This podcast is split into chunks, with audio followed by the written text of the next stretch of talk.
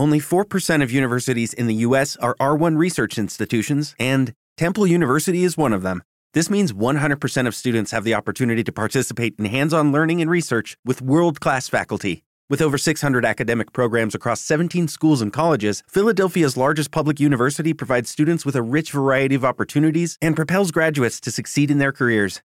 Temple University. Schedule a campus tour today at admissions.temple.edu/visit.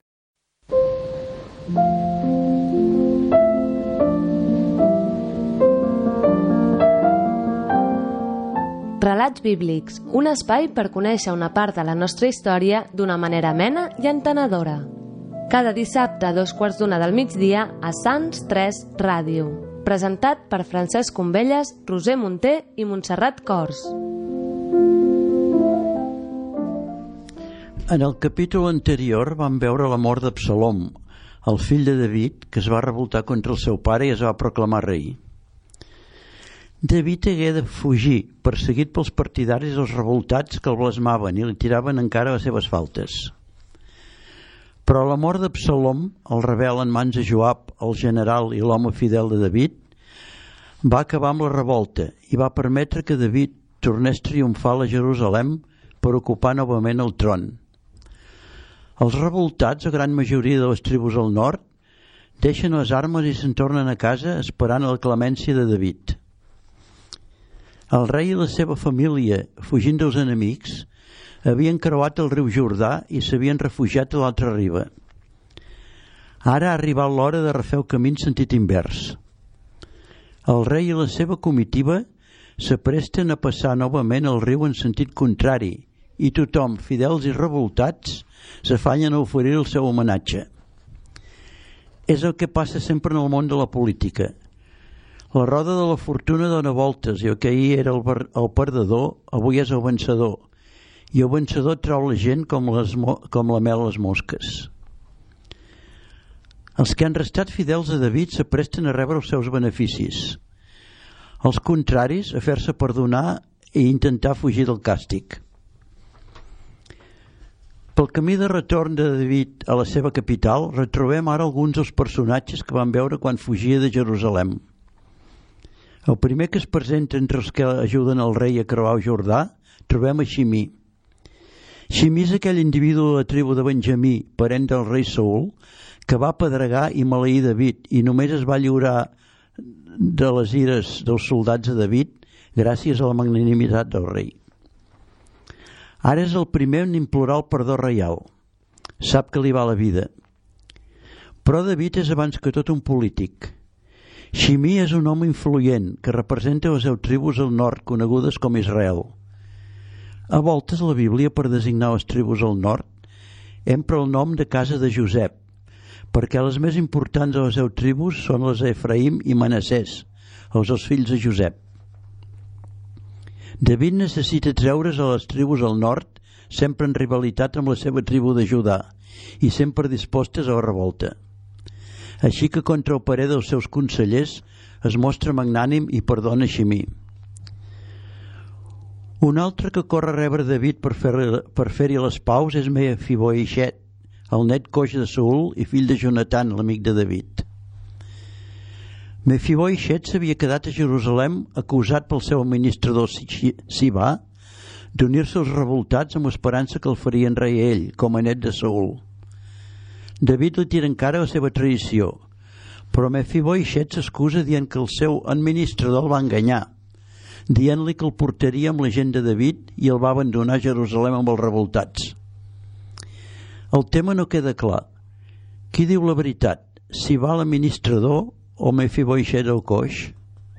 Però la vida de Mefiboixet és sagrada per David, a causa de la memòria de Jonatan, el seu pare – i a mi, que era l'amic de l'ànima de David i que va morir a la batalla de Gilboa. I aquí David va dedicar els res versos a la seva famosa complanta. Quin dolor sento per tu, germà meu Jonatan, tant com m'encisaves. El teu amor era més meravellós que l'amor de les dones. David, doncs, perdona el fill del seu amic com li havia promès en vida i el restitueix en el seu lloc a la cort de Jerusalem. Entre els fidels que acudeixen també a homenatjar David està Barzilai, Barsilai va ser l'home que va acollir David i la seva família a Manahanaim, l'antiga capital de Judà. El, el, el seu acolliment va permetre a David i els seus fidels refer-se i organitzar-se per combatre la revolta. David el vol recompensar portant-lo a Jerusalem i posant-lo al seu costat, però Barcilai és un ancià de 80 anys i suplica poder morir a casa seva prop de la tomba dels seus pares. A canvi li demana al rei que accepti el seu fill i el col·loca entre els seus fidels a la cort de Jerusalem. David està dolgut amb el seu general i home fidel Joab per l'assassinat del seu fill Absalom. Sabem que Joab és un home violent, que ha comès nombrosos crims, sempre a favor del rei, però també en benefici propi. Joab no ha tingut mai cap escrúpol per desfer-se dels seus rivals amb mètodes violents. A més, David necessita guanyar-se les tribus al nord i confirma com a comandant de l'exèrcit a Amassà, un càrrec que li havia atorgat Absalom. Amassà era cosí de Joab i, per tant, parent també de David. Coneixent Joab, això significava per Amassà una condemna de mort. En efecte, Joab no tardaria a eliminar el seu parent i rival com havia fet amb tants altres. Ho veurem en el proper capítol. Instal·lat el rei a Jerusalem, Israel i Judà rivalitzen ara a mostrar-se addictes a David. Israel, però, no tardarà a revoltar-se de nou, com veurem també en el proper capítol. Una vegada més es manifesta la inestabilitat de la unió entre les tribus al nord i la de Judà. Es tracta d'una unió fonamentada merament en la persona del rei David. Judà restarà sempre fidel a David i a la seva dinastia. Però Israel se separarà definitivament a la mort de Salomó, el fill de David. La el Montserrat ens llegiran ara els capítols 19 del segon llibre de Samuel.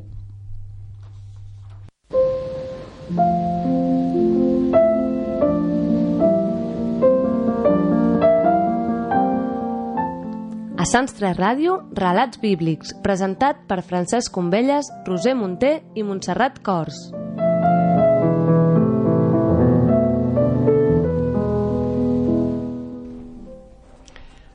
Per totes les tribus d'Israel, la gent discutia dient El rei ens havia alliberat de les mans dels nostres enemics i ens havia salvat del poder dels filisteus.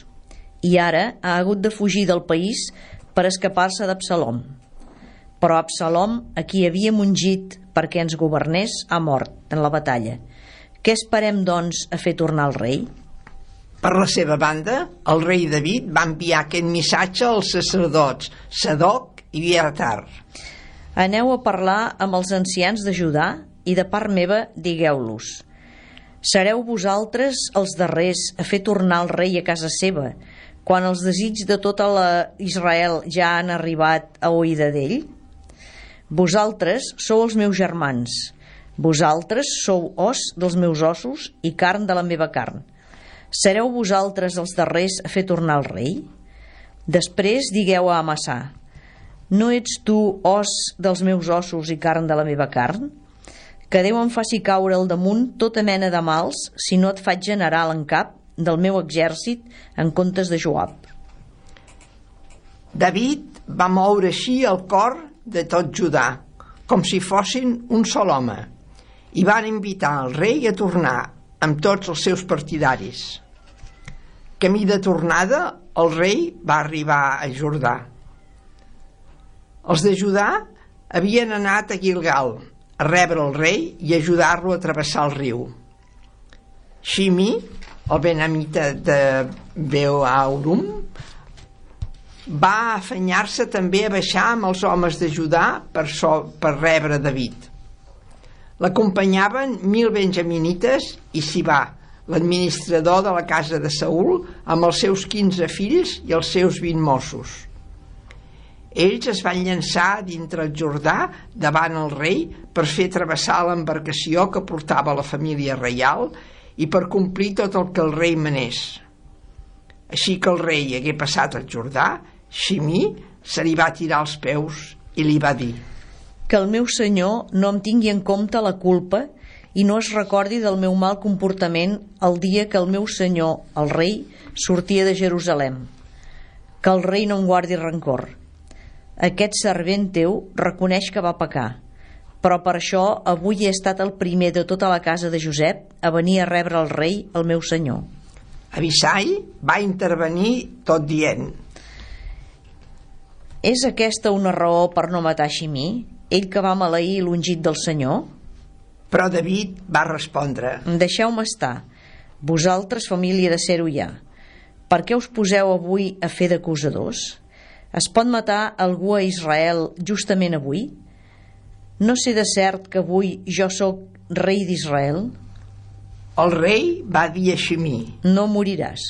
i li ho va jurar també Mefiboixet net de Saül havia baixat a rebre David no s'havia posat rentat els peus ni s'havia arreglat la barba ni s'havia canviat la roba des del dia que el rei havia sortit de Jerusalem fins ara que hi tor- retornava feliçment quan va arribar allà on era el rei aquest li digué Per què no vas venir amb mi, Mefiboixet? ell respongué Senyor meu i rei, el meu administrador em va enganyar. El teu servent li havia dit, ensella'm la somera, que hi muntaré i me n'aniré amb el rei, perquè el teu servent és esgarrat. Però ell em va calumniar davant el rei, el meu senyor. Tanmateix, el rei, el meu senyor, és com l'àngel de Déu. Fes, doncs, com et sembli millor. Tota la casa del meu pare no eren més que reus morts als ulls del meu senyor, el rei, i tanmateix tu ens vas admetre a menjar a la teva taula. Quin dret tinc, doncs, a reclamar ara el rei? el rei li va respondre No cal que en parlem més. Queda decidit. Tu i Sibà us partireu les possessions. Mefiboixet va dir al rei Que ell s'ho quedi tot. En tinc prou que el rei, el meu senyor, hagi tornat feliçment a casa seva. Barcilai, el galanita, havia baixat de Reglim fins al Jordà per acompanyar el rei allà mateix. Barcilai era molt vell, tenia 80 anys.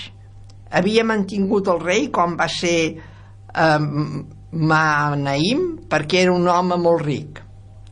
El rei va dir a Barcilai Passa també el riu amb mi, que ara les teves belleses jo et mantindré a casa meva a Jerusalem. Barcilai va respondre al rei Quants anys de vida em queden perquè pugi ara amb el rei a Jerusalem? Tinc 80 anys i ja no puc distingir el bon gust del mal gust. El teu servent ja no saboreix el que menja o el que veu, ni pot apreciar les veus dels cantors i de les cantores. Seria una càrrega inútil per al meu senyor, el rei. El teu servent només volia acompanyar el rei a passar el Jordà. Quina recompensa m'ha de donar el rei? Permet, doncs, que me'n torni i que mori a la meva ciutat, prop de la tomba del meu pare i de la meva mare. Aquí tens el meu fill, Quinam, que vagi amb el rei, el meu senyor. Fes per ell el que et sembli millor. El rei li va dir Sí, que vingui amb mi a Quimam i faré amb ell el que tu desitges i sempre que em demanis res t'ho concediré. Tot l'exèrcit va passar al Jordà. També el va passar el rei. Després el rei va besar Barcelai i el va beneir, i ell se'n tornà a casa seva.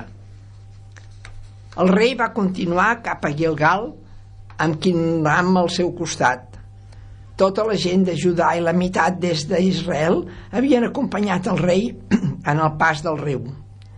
Llavors tots els homes d'Israel van presentar-se al rei per dir-li Com és que els nostres germans de Judà t'han acaparat per fer-te passar el Jordà, a tu, la teva família i tots els homes que t'acompanyen? Tots els homes de Judà van replicar als d'Israel. És que el rei és parent nostre. No us indigneu, que ni hem menjat res que ens hagi donat el rei ni n'hem tret cap profit. Els d'Israel van replicar als de Judà.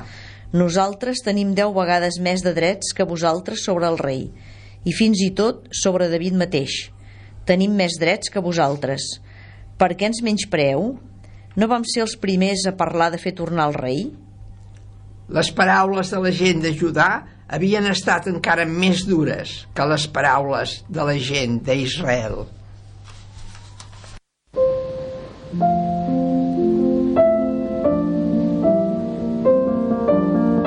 Fins aquí, Relats Bíblics, un espai per conèixer una part de la nostra història d'una manera amena i entenedora a Sants 3 Ràdio.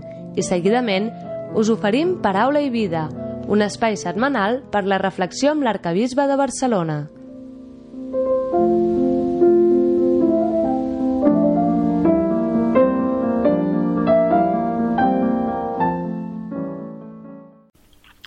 Déu vos guard. Dilluns que ve començarà una nova reunió ordinària de l'Assemblea Plenària de la Conferència Episcopal Espanyola.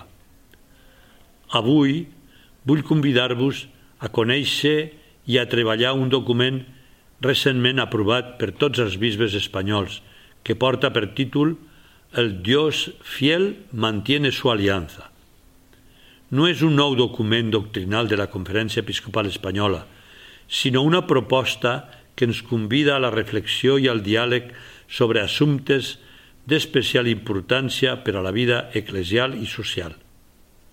La nostra societat experimenta canvis profuns en l'ordre social, econòmic i religiós. La recent pandèmia i la guerra a Ucraïna no han fet més que posar de manifest que el nostre món viu una situació de profunda crisi. És per això que l'Església, en aquest document, vol oferir-nos la seva proposta de persona, família i societat. Tal com ens diu el papa Francesc a l'exhortació apostòlica Amoris Letícia, en totes les situacions l'Església sent la necessitat de dir una paraula de veritat i d'esperança, diu el papa. L'Església creu en la dignitat de la persona des de la concepció fins al final de la vida – Déu ens ha regalat la vida.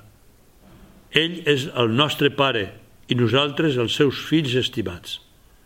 Déu ens crida a viure en comunió amb ell i amb els nostres germans. Vivim aquest mandat? La família és l'àmbit on es desenvolupa la persona. És una escola d'amor, perquè aprenem a estimar i a ser estimats. La família cristiana té la missió de transmetre la fe i el valor de la vocació a la vida laical, al ministeri ordenat i a la vida consagrada. Demanem al Senyor que les nostres famílies siguin un signe d'esperança i de ferment per a tota la humanitat. Vivim en una societat on hi ha una preocupant manca d'amor, especialment pels més vulnerables. En aquest sentit, el papa Francesc ens convida a promoure una revolució de la tendresa. Una revolució que ens ajudi a crear una civilització nova basada en la fraternitat universal que neix de ser fills i filles d'un mateix pare. L'Església vol oferir a la nostra societat el regal més important que ha rebut de Déu, la fe en Déu, Pare, Fill i Esperit Sant. La fe viscuda en comunitat, és capaç de donar-nos l'esperança que necessitem per suportar les dificultats que es presentin a la nostra vida. La fe en Jesucrist ens ajudarà a caminar units cap a Déu i treballar amb creativitat per la dignitat de la persona i pel bé comú. Benvolguts germans i germanes, tant de bo que aquest document ens ajudi a dialogar i a afavorir la trobada entre tots els membres de la nostra societat, Demanem a l'Esperit Sant que ens inspiri per crear comunitats que sàpiguen estar al servei de tots els homes i les dones del nostre món.